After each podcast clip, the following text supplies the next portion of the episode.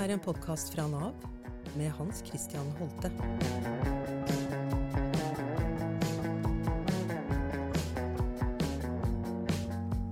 Hei og velkommen til Holtes holde. I dag så skal vi snakke om økonomi. Økonomi er noe som vi har et forhold til gjennom livet, og som eh, kan påvirkes ganske mye av hva vi opplever underveis. Vi kan bli syke, eh, ekteskapet kan ryke, bedriften du jobber i kan gå konkurs, du kan plutselig stå uten jobb. Eh, dette er eksempler på noe som kan skje hos alle som vil påvirke økonomien. Og Et spørsmål som melder seg ofte, er altså hvordan er det vi klarer å håndtere økonomien når det skjer store, kanskje litt vanskelige ting i livet vårt, som også påvirker nettopp økonomien og setter oss i en vanskelig situasjon. Jeg har fått fint besøk i studio i dag av to gjester som både har solid faglig kompetanse på området, og som også har med seg det vi kan kalle relevant erfaring fra livets skole, som det heter så fint. For det første så har jeg med meg Arman Westad, som eh, i dag eh, både er eh, foredragsholder, han har erfaring som gjeldsrådgiver i Nav, og han har også en historie som har gitt han noen erfaringer som han nå bruker til å hjelpe og inspirere andre. Og så har jeg også med meg Derja Inse Dursun. Hun er forbrukerøkonom i Nordea eh, med bakgrunn som advokat. Og hun har også en bakgrunn som jeg tenker hun trekker veksler på i den jobben hun gjør. Jeg har lyst til å begynne med deg, Arman. Kan ikke du ta oss med tilbake til sånn kanskje litt før tusenårsskiftet? Ja, det kan jeg gjøre. Takk for invitasjonen. Og penger er jo et tema som jeg brenner veldig for.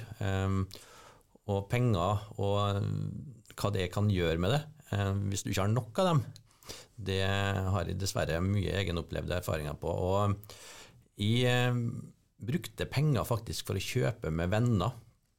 For jeg kom fra en plass som gjorde at jeg passa ikke helt inn. Jeg var vokst opp på bygda, kom inn til storbyen Molde for å gå på ungdomsskole. Og så hadde jeg ikke de rette klærne. Jeg snakka litt rart, og det lukta kanskje litt kua med, for alt jeg vet. For på Bolsøya der jeg bodde, der var det et gårdbrukersamfunn.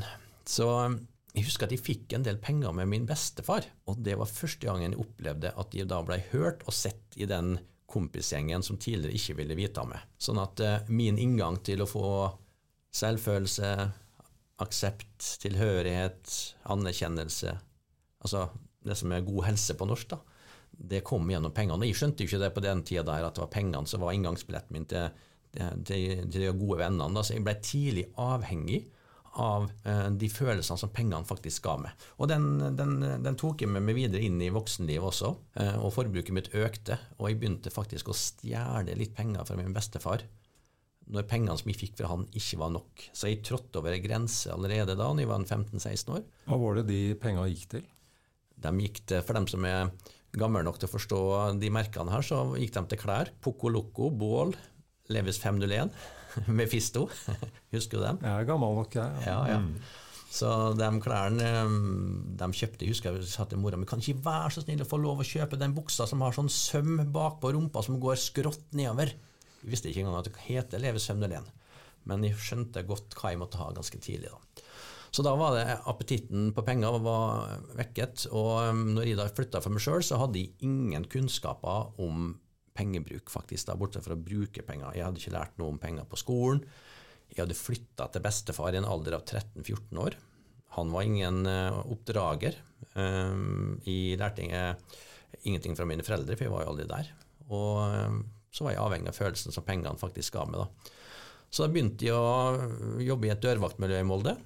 Og fra det dørvaktmiljøet så var veien ganske kort ut i kriminalitet, faktisk. Men jeg klarte å leve et dobbeltliv ganske lenge. Jeg levde tok fire år på NTNU i Trondheim, fikk familie, ble pappa.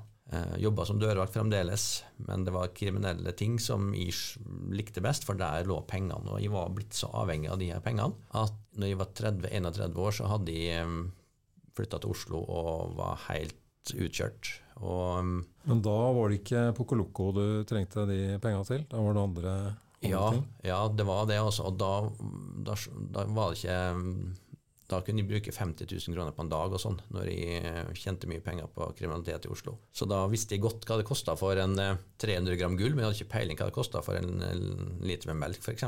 Så jeg levde i en helt sånn parallell verden hvor det var to forskjellige logikker som virka. Så det var et Jeg hadde masse overdoser av narkotika, havna mye i fengsel. Så klarte jeg da å snu ved hjelp av mennesker som så meg. Fikk da også etter hvert jobb i Nav. Men da, på vei dit, så hadde du Du hadde med deg en eh, ganske solid gjeld, hadde du ikke det? Du jo, det hører jo med til historien. Jeg hadde, jeg hadde et ganske um, tomt, uh, tom CV. Velfylt rulleblad. Uh, og skulle søke på jobb. Og jeg hadde da to millioner gjeld sjøl. Kredittkortgjeld og forbrukslån og studielån og alt mulig rart. Um, så var ganske, det var en ganske spesiell søknad uh, Nav-lederen på Nav Melhus fikk. Kort, enkel søknad på sju setninger, og så var det masse vedlegg som jeg måtte legge ved, der liksom litt av mitt kriminelle liv sto. Um, og det var ganske diskusjoner på Nav-kontoret om Arman skulle få den jobben. Hva var, hva var salgspitchen for Arman Westad da, med de syv setningene? Ja, Det var at eh, jeg hadde vært gjennom enorme eh, utfordringer sjøl. Jeg visste hvor vanskelig det var å få skikk på økonomien sin. Eh, jeg sto oppi akkurat det der nå sjøl. Og jeg lovte at jeg skulle bruke alle mine erfaringer til å hjelpe andre som kom på Nav-kontoret for å be om hjelp med økonomien. Og bruke min egen historie som et, for å levendegjøre eksemplene. Det virka egentlig greit, for da ble jeg jo 15 år i Nav etterpå det. Og så har jeg lyst til å prate litt med deg, Derja. Du har, en, eh, du har også en eh, historie som jeg tror eh, du bruker i, i jobben din, eller erfaringer. Mm. Du kom som flyktning fra Tyrkia sammen med familien din når du var veldig liten. Mm. Ja, jeg vil si pappa kom som flyktning. Og så kom vi eh, da jeg var ti måneder gammel, eh, på sånn familiegjenforening.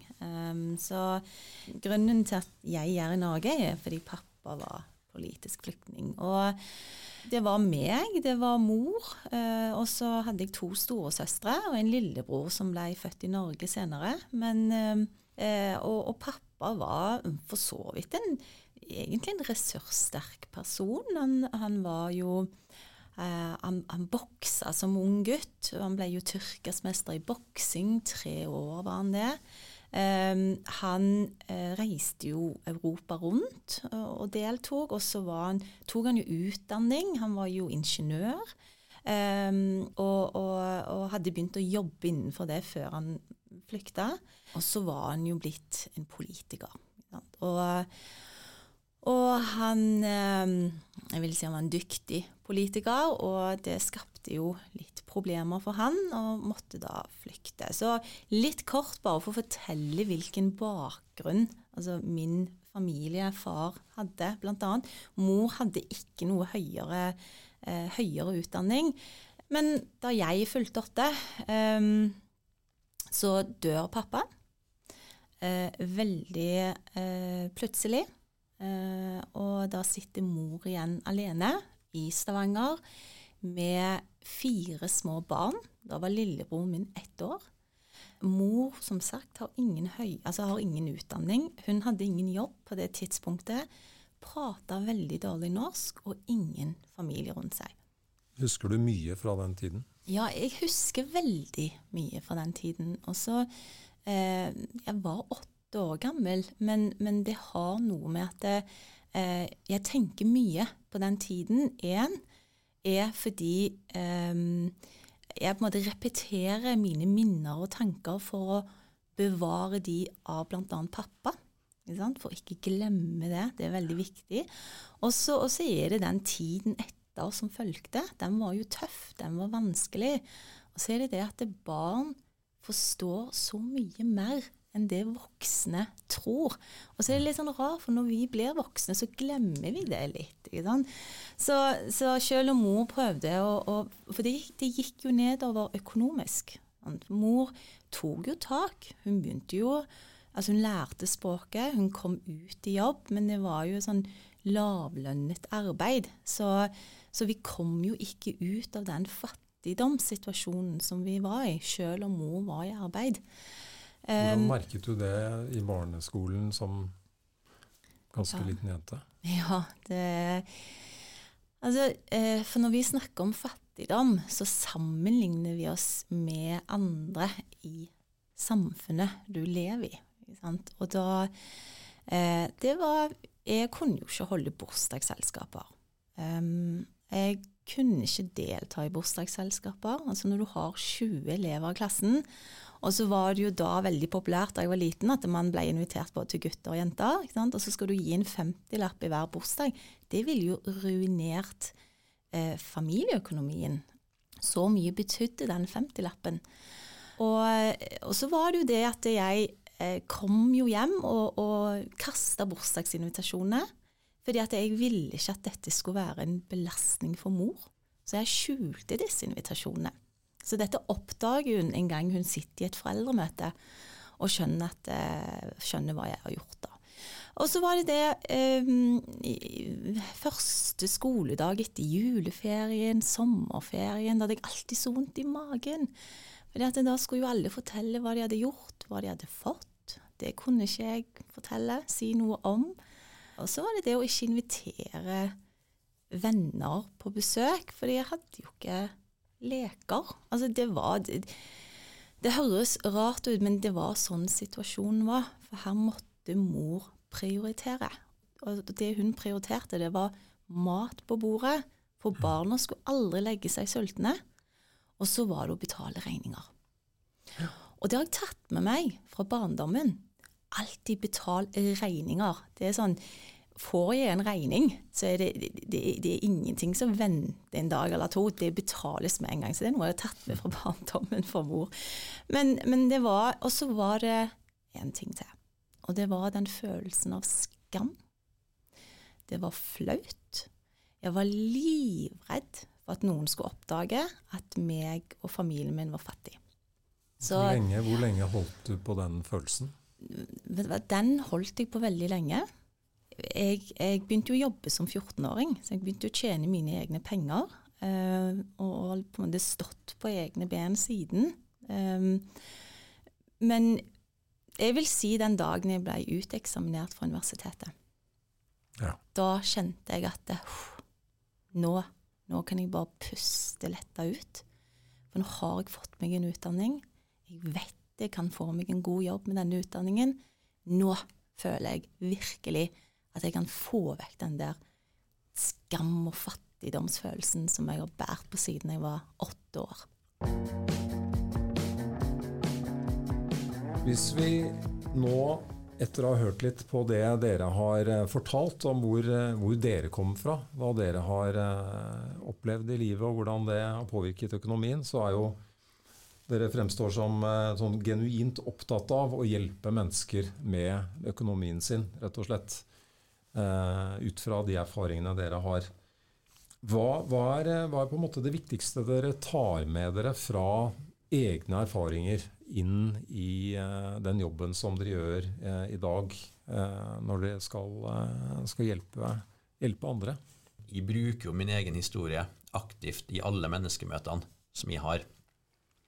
Så jeg holdt kurs i Nav i hver måned gjennom 15 år for en gruppe mennesker som egentlig ikke hadde lyst til å være der i det hele tatt. For ingen som har lyst til å komme og få i utgangspunktet belæring om hvordan du skal bruke pengene dine, for det er kanskje sånn det oppleves, da.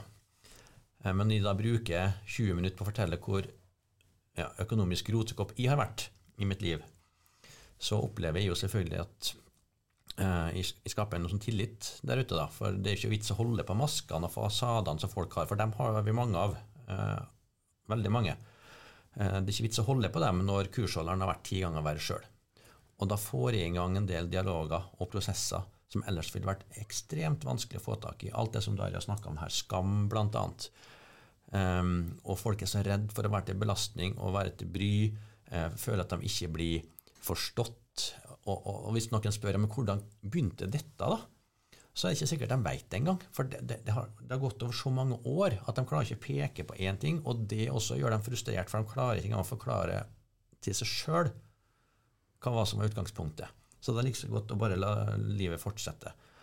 Men derfor så bruker jeg det helt aktivt. Eh, jeg bruker på en måte litt sånn min sårbarhet for å få litt sårbarhet tilbake. Men jeg vet jo mange som har snudd livet sitt, eh, og som ikke bruker det aktivt. men som, eh, Nå får Darja snakke for seg sjøl, men det ligger jo sikkert i det ligger jo i henne også, tenker jeg, når hun møter mennesker som sliter. Ja, det gjør det. Og så har det litt med òg når du møter mennesker som sliter økonomisk, og så sier du ja, jeg forstår deg veldig godt, og så kan personen si nei, gjør du virkelig det? Det tror jeg ikke du gjør. Og så er det jo, det gjør jeg. Jeg har vært i samme situasjon. Jeg vet hva du føler. Jeg vet hva du tenker. Så la oss finne ut av dette sammen. Sånn at da, da ser jeg at min historie gjør at det flere da er åpne for å ta imot hjelp. Fordi du har vært i samme situasjon. Du vet hvordan det føles og oppleves. OK, vi snakker samme språk. Og grunnen til jeg sier det, er fordi jeg tror akkurat at det handler om det som du sier, Arman, er at det, er ikke alltid man føler at man blir sett og hørt. Man føler man blir neglisjert, man blir sett ned på, eh, man blir gjort narr av fordi man er i en økonomisk dårlig situasjon. Mm. Vært en belastning for andre. For vi har jo lært hjemmefra at vi skal klare oss sjøl. Og det er jo et viktig si, moralsk imperativ, tenker jeg, at vi skal klare oss sjøl. Men vi klarer ikke alltid å skille når det har gått for langt, og når vi faktisk da må tørre å be om hjelp og bruke og aktivere andre rundt oss. Og økonomi er jo et sånt tema som er ekstremt skamfullt. Eh, å be om hjelp til. Hvis du skal spørre naboen din om å henge opp ei hylle for for du trenger muskelkraft, så er ikke det så skambelagt. Men det å begynne med penger og sånn, det er veldig skambelagt. Og det da også bare adressere det med en gang Jeg vet hvordan det her er. Eh, og jeg vet også hvordan det kan komme seg ut av det. Så det kan faktisk være verdt å, å høre litt på også. Og da får vi spennende ting til å skje. Så det er lurt. Mm. Altså, Begge dere hører jo bruker, eh, bruker, egne erfaringer og egentlig åpenhet da, om egne erfaringer til å bygge en sånn troverdighet og, og tillit med, med, de menneskene som dere treffer. Eh, men så snakker dere også begge om eh, skam, eh, og at det er skambelagt. Hva kan vi gjøre for å redusere den skammen? Da? Eh, jeg tenker jo dere gjør det åpenbart i de møtene dere har. Men kan vi gjøre noe sånn i større målestokk for å, for å mm, jobbe nettopp med dette? For jeg vil jo tro at nettopp den skammen er eh, kanskje et, en av de store problemene som gjør at folk ikke tidlig nok tar tak i ting, ikke tidlig nok deler eh, det de står i, osv. Jeg tenker jo veldig sånn at folk snakker om det. At man på en måte Hva skal jeg si? At, det, at man Jeg gikk jo ut med min historie fordi jeg ville være et ansikt. Ikke sant? Men, men, eh, men det var kanskje lett for meg å gjøre nå, nå som jeg har god økonomi. Eh, men, men, at vi har større fokus på det, snakker mer om det, og at temaet er synlig. Um, fordi det er fortsatt folk som syns det er flaut å gå til Nav. Fordi når man sier, ord, når man sier Nav, så, så, tenker man med en gang å, du er naver. Og så tenker man negativt med en gang. Ja. Skulle ønske at vi kom til en plass der vi hadde det å snakke om penger ble frikobla fra skam. da. Eh, vi vet jo hvor vanskelig det er liksom å snakke om ja, hva tjener du i årslønn. da? Eller kan du, kan du liksom spørre naboene om å vippse 200 kroner frem til i overmorgen, for da får du lønn? Vi gjør jo ikke sånne ting. Og det å da lære seg å, å, snakke om penger på en måte som gjør at det ikke oppleves som belastende, det tror jeg er viktig. Og der, der har vi alle et uh, alle et ansvar. da. Nå er det faktisk gode tider for å også kunne lære seg noe om privatøkonomi. Og det da å ta de her grepene som handler om at du blir god på i dagligvarebutikken. da. Dagligvarebutikken er der vi bruker mest penger, bortsett fra på boutgifter. da. Og Det er der vi har mest penger å spare. og Det å lære seg dette her innenfor husholdsøkonomi, hvordan du kan få penger til å strekke til, eh, og følge med på tilbud og alt dette her som eh, egentlig blir sett på som litt sånn flaut, kanskje, det har jeg ettertrykkelig slått fast noen i møte med folk at det, nå er det en gyllen anledning til å lære seg dette her nå. Det går an å finne skatter av billige ting også i dag, men det her er, det er vanskelig. Det er vanskelig, og du sa vel det i stad, Arman, at eh, når du er eh, litt ute å kjøre med økonomien, så er det vanskeligere å ta de gode beslutningene også. Så det er noe med Hva, hva gjør det egentlig med, med folk eh, å komme ut og kjøre, da? Ja, altså det legger jo et enormt beslag på den mentale båndbredden. Og det økonomiske stresset som mange kjenner på nå, det gjør at du klarer faktisk ikke å ta de her gode økonomiske beslutningene. Du har vært gjeldsrådgiver i Nav, Arman, og, og, vi har jo mange gjeldsrådgivere rundt i Nav. Eh, og jeg, eh, som leder av Nav, så ønsker jeg virkelig at folk skal komme til Nav og, og bruke den rådgivningen som vi har. At det ikke bare er for å få eh, stønader og, og få økonomisk støtte, men det også er å få de gode rådene. Og så er det en utfordring som vi opplever at folk venter for lenge. Eh, og det er for store problemer. Og det er, eh, det er inkassosaker, og det er ikke sant, alle disse, disse prosessene har gått for langt når de kommer til, til, Nav. Sånn at det hva kan, eh, hva kan, vi gjøre for at eh, folk kommer til Nav-kontoret, at de kommer til gjeldstelefonen osv. hos oss? tidligere? Hva, hva, er det som er nøkkelen til å, å, vippe folk enda tidligere inn på det rett og slett å be om hjelp? da, Åpne seg? Det, det er liksom det som vi har snakket om. Altså, jeg tror nok det er den, den, følelsen av at dette er litt flaut, det er litt skamfullt. Og så er det veldig mange som har dårlig samvittighet og tenker hvordan kan jeg ha latt dette gå så langt? Eh, og så er det litt sånn egen tro på at eh, dette kommer jeg meg ut av. ikke sant? Dette dette skal jeg ordne. Jeg bare utsetter det en uke. Jeg bare utsetter det en uke til. Bare, og, så, og, så, har det gått for langt uten at man helt har skjønt at det har gått for langt. Så, så, så jeg tror litt sånn eh, erkjennelse over seg selv. At her har jeg et problem, og jeg trenger hjelp. Og så er det òg litt mm. vanskelig, litt sånn menneskelig òg, å tørre å spørre om hjelp. Så, så, igjen, hvordan skal vi løse dette? Sånn, det er jo sammensatt. Igjen, snakke mer om det, men ikke bare la det være ved, ved å snakke. At man må ha noe handlingsplan rundt det. Eh, mer opplysning, mer informasjon som er tilgjengelig. Altså Og så er det jo eh, Så tenker jeg skoler. Ikke sant? Hva lærer man på skolen? Jeg går jo rundt og har økonomiopplæring på skoler for ungdomsskoleelever. Det er mange 15-åringer som ikke vet at man må betale rente for å låne penger i banken. Eh, man vet ikke hva ting koster. Man vet ikke hva det koster å drive hushold. Så, så jeg tenker hvis man får det inn med teskje fra barndommen, så kan man ta det med inn i voksenlivet, og at det etter hvert kan kanskje føre til at vi får færre som får økonomiske problemer. Jeg er helt enig med Darja her. Og så har jeg lyst til å legge til at det ligger et minst like stort ansvar på Nav som for den enkelte som skal komme til Nav. fordi at mange av de her økonomiske krisene de skjer jo ofte i kombinasjon med livshendelser som sykdom, arbeidsledighet, eh, samlivsbrudd. Og Nav er jo inne i bildet i alle de sakene her, stort sett. Så når jeg jobba i Nav, så var jo litt av mitt ansvar å reise rundt og lære opp Nav-veilederne til hvordan de skulle bli flinkere til å spørre eh, sine brukere om hvordan blir det nå for det når du går over til en arbeids- og avklaringsstønad. Hvordan blir det å miste en tredjedel av inntekta di? Har du tenkt på at nå får du 14 dagers utbetaling istedenfor en gang i måneden? Å nei, det har jeg ikke tenkt på. Kan du hjelpe til med det? Så bra. Jeg har ikke visst hvor vi skulle snakke, hvem vi skulle spørre om hjelp, så ja, da tar vi gjerne en prat om det. Men da må Nav spørre. For hvis den blir knallgod på det der, i overgangene, i alle inntektsfall, så kommer det ikke så veldig mange til gjeldsrådgiver der seinere. For det fins fantastisk mange gode Nav-veiledere der ute som bare må eh, tørre å spørre. Og det er litt det samme igjen, uansett om du jobber i bank eller om du jobber i Nav. Vi syns det er litt trasig å spørre om problemområder, for vi vet ikke helt hva vi får i svar i retur.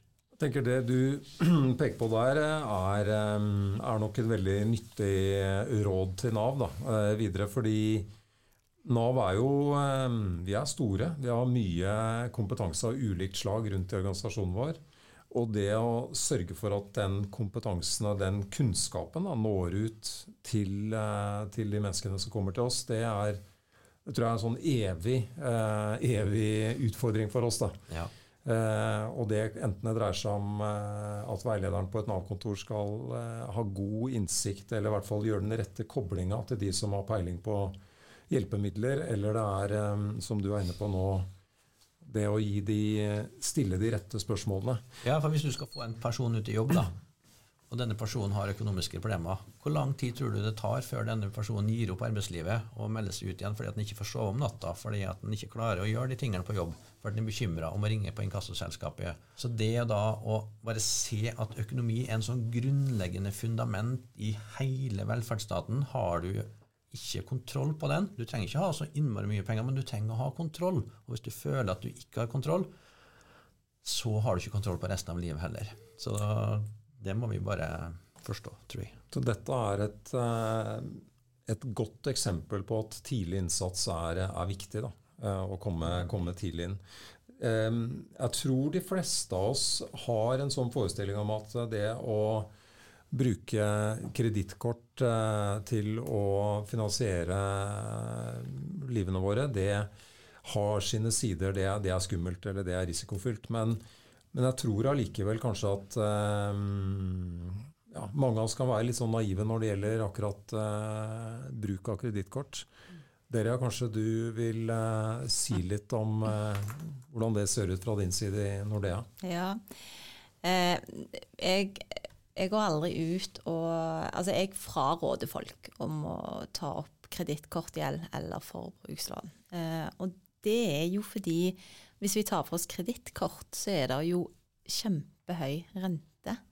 Eh, hvis vi sammenligner det med boliglånsrenta, så ligger den på rundt 4% pluss-minus. Og så har du rente på kredittkort, den ligger på sånn ca. 22% Hvis vi tar den beskrivelsen der, som er litt eh, skremmende, tenker på den tiden vi har akkurat nå.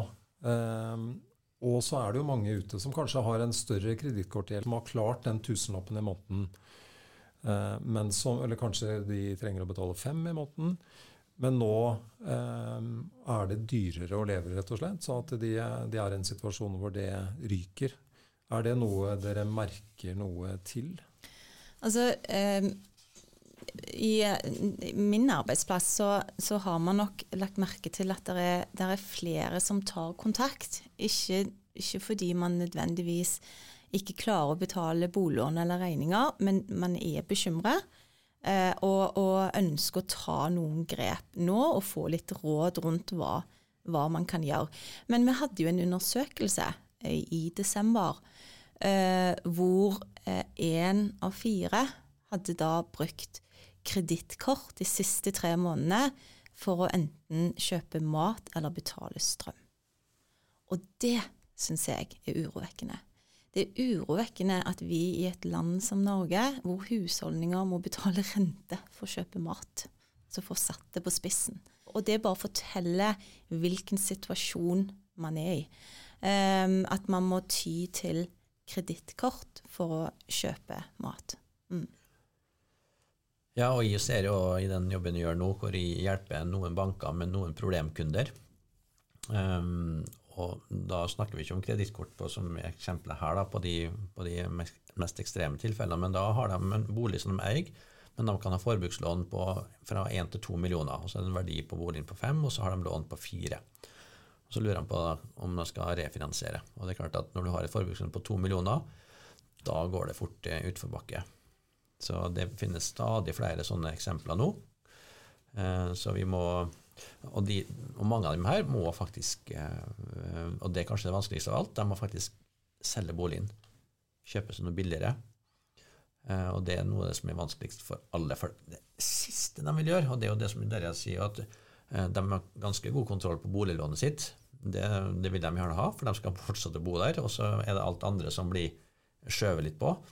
Men til slutt så er forbrukslånet så stort at det går utover boliglånet, og da er det faktisk ingen vei utenom å selge. Og det tenker jeg kan være et utrolig vanskelig steg for mange, men et råd som jeg tror mange kan dra nytte av hvis de tar den avgjørelsen jo før, jo bedre, så ikke det her går så langt som til tvangssalg, og eventuelt et boligpris, boligprisfall som kan komme. Jo før, jo bedre er jo et veldig sånn tydelig budskap i, i, en del av det vi snakker om her. Eh, og du Arman, du har jo også selv eh, kommet ut av en ganske sånn tung situasjon med, med, ja, med gjeld knytta til, eh, til, tidligere faser i livet. Da. Er det andre, andre, Hva er de viktige grepene for å komme på rett kjøl, hvis man virkelig har gått litt utforbakke? Nei, det er som det dere sa i stad her, det er en erkjennelse først. da. Altså bare å tenke på det at ok, det her handler ikke om at du er et dårlig menneske eller en dårlig person, eller Ting kan skje i et liv. Det, altså det, her, det handler om at veldig mange i Norge har økonomiske utfordringer, ikke bare Norge, så det her er et vanlig problem. Så det å bare legge fra seg at det her handler om at du er en dårlig person, sånt, det er det første. Og så er erkjennelsen at de har lyst til å ta grep. Og så tror jeg at noe av det viktigste, 50% av jobben, er å tørre å be om hjelp. da, Tidlig nok. Og det, Noen kan synes at det er greit å gå til Nav, altså snakke med en person som er helt uh, ukjent. Så du liksom slipper liksom alle det her, um, følelsene knytta til hva folk vil tenke om det. Mens andre syns det er greit å snakke med noen som du har tillit til. Og, så du trenger ikke å snakke med en økonomiekspert heller, men bare den følelsen av å kunne dele dette her med noen som du stoler på, det er veldig viktig. Og det som jeg sier til mange som syns det er så vanskelig å be om hjelp, for det er det virkelig, men tenk heller på at når du ber andre om hjelp, så gjør du dem en tjeneste. Og det krever litt forklaring, det er akkurat det her. Men veldig mange, sikkert på alle som sitter i rommet her, har lyst til å hjelpe andre mennesker hvis de kommer og spør om hjelp. Jeg blir iallfall litt stolt hvis folk kommer til meg og sier at kan ikke du hjelpe meg med et eller annet? Ja, selvfølgelig skal jeg hjelpe deg. Hva er det for noe? Så det å tenke at du faktisk bidrar litt til at andre får lov å hjelpe deg, det gjør at du gjør godt for andre også. Så snur det litt sånn på hodet, da. Så det har hjulpet meg litt, og det har hjulpet veldig mange som jeg har snakka med. Og så er det selvfølgelig da å uh, få hjelp med gjelda, altså det gjeldstekniske, gjeldsteoretiske, å få rydda opp i det her på plass. og Det kan være gjeldsrådgiver, eller om det er bank, eller hvem som skal hjelpe til med det. Og så er det det her med å snakke internt i familien om penger. Ta en ny sånn temperaturføling på hvordan skal vi bruke pengene våre framover? Har det vi har brukt pengene på framover, vært bærekraftig? Har vi vært nødt til å ha alt det vi har? Kan vi snu om på det? Hva er best for oss? At vi får det og det og det, eller at vi har kontroll på økonomien? Og det at vi har lært oss å snakke oss imellom. Og jeg og kona vi er ikke noe gode på penger, egentlig, det høres litt rart ut, men jeg er god på noen ting i økonomien. Jeg er Ekspert på å prute på, på renta og på beste strømpriser og alt dette her nå. Det kan prute i butikken, jeg får knallgode priser, da går kona ut. Men hun er ekspert på å handle inn det som står på handlelappen. For jeg blir så frista av å kjøpe ting som er på tilbud og alt som vi ikke trenger, og sånn, og det får jeg ikke lov til. Så jeg får ikke være med der. Eh, så vi er blitt gode på forskjellige ting og styrker hverandre. Og så eh, et råd til slutt, og det er jo da at som egentlig i samme gata her, da. Bli kjent med hverdagsøkonomien på nytt. Finn ut hva du bruker pengene dine på. Derja, har du noen eh, råd? Da kom det mange gode fra Arman her. Ja, jeg tenker eh, de som ikke er kommet i en økonomisk vanskelig situasjon, da tenker jeg da kan jeg gi råd til de. Kan, er du i et godt forhold i dag, samboerskap eller ekteskap, sett deg ned. Tenk ut hva hvis det blir et samlivsbrudd? Hvordan vil min økonomiske situasjon se ut? En, da setter du deg inn i regler, f.eks. skilsmisse eller samboerskap. Er du frisk i dag? Sett deg ned og tenk hva hvis jeg en dag blir syk? Hva vil det gjøre med min økonomiske situasjon? Ta grep deretter. Um, så, så liksom når, man har det, når man er i en situasjon, i en livsfase hvor man har det godt øh, øh, man, man, har det godt økonomisk, øh, men, men, er det noe man vet med sikkerhet, er at fremtiden er uviss. Så, så mitt råd er der til de som har det godt i dag, bare sett deg inn i tiltenkt situasjon. Hva hvis? Hva kan jeg gjøre da? Hvordan kan jeg løse dette? Så vær litt forberedt på livet. Mm. Forberedt på livet. Det er en eh, Det er helt sånn generelt eh, et godt råd, tenker jeg. Økonomi og andre, andre ting. Eh, og så er det mange i Norge i dag som eller egentlig de aller fleste av oss har kanskje ikke vært forberedt på akkurat den økonomiske situasjonen som vi opplever i Norge nå for tiden. Er det noen tanker sånn helt på tampen her om eh, hva bør vi gjøre som samfunn i denne situasjonen her? Hvordan bør vi håndtere det? drar seg litt mot det, nesten et politisk spørsmål, men jeg tenker også for Nav så er det interessant eh, å jobbe med, og som jeg opplever at vi, vi forsøker å gjøre også. Hvordan, hvordan, møter vi situasjonen som mange mennesker eh, opplever i dag? Jeg har lyst til å starte med som samfunn, da, det her er tanker som jeg har tenkt ganske lenge, da, men jeg tror at i og med at vi er et sånn sammenligningssamfunn, så bør vi alle tenke over hvordan vi bruker pengene våre i dag. For selv om vi har god råd akkurat nå ikke har noe problem med å kjøpe en ny bil eller kjøpe nytt kjøkken, så er det ikke sikkert naboen har det. Så det å ikke at du skal la være å kjøpe nye ting fordi at du står i fare for at naboen kanskje blir økonomisk eh, ruin av, av, av det her, og blir frista og misunnelig, men men de sier at vi skal være litt bevisste på hvordan vi bruker pengene våre. Og så over til Nav sitt eh, innspill til Nav, da. Men jeg skulle ønske at Nav også, mange flotte veiledere som bruker egne personlige erfaringer i møte med brukere. Men det å prøve å systematisere det enda mer for å skape en tillit i menneskemøter som ofte krever stor endring hos folk. Har du vært arbeidsledig da? Ja, men så si det da i møte med den som er arbeidsledig. Eh, har du slitt sjøl med økonomien? Ja, men si det da. Om, om du ikke har slitt, så si har du vært student kanskje i hvert fall, så har du iallfall hatt lite penger. Så det å finne gode grep som gjør at også Nav blir oppfatta som enda mer menneskelig, det tror jeg kunne vært eh, et godt råd fra flanken her. Viktig punkt som du tar opp, Arman, som går på hvordan er det Nav møter de menneskene som kommer til oss har vi på en måte den samme Altså ser vi, ser vi folk inn i øya og er på nivå? Eh, det tror jeg er et utrolig viktig utgangspunkt, som jeg også ønsker å, å jobbe for at vi i Nav skal få enda bedre til. Da. Der er det alltid eh, noe å gå på, og jeg er helt sikker på at vi har ganske mye å gå på eh, sånn som det er i dag. Men jeg tror denne praten her har vært forhåpentligvis nyttig for, eh, for eh, mange som hører på, fordi det er mange som kjenner på økonomiske bekymringer. Kanskje ikke er der selv, som dere også har vært innom, men, men eh, kanskje frykter å komme dit. Så med noen av de rådene dere har gitt her, f.eks. det å komme, komme tidlig inn og ta tak i det, be om hjelp, tenke at det er viktigere å finne løsning tidlig eh, enn, å, enn, å, forsøke å glatte over så lenge som mulig. Det, det, er noe av det som vi kan ta med oss fra dette. Så tusen takk til eh, Arman Westad og til Deria Inse Dursum. Flott eh, besøk eh, her i Holtes dag.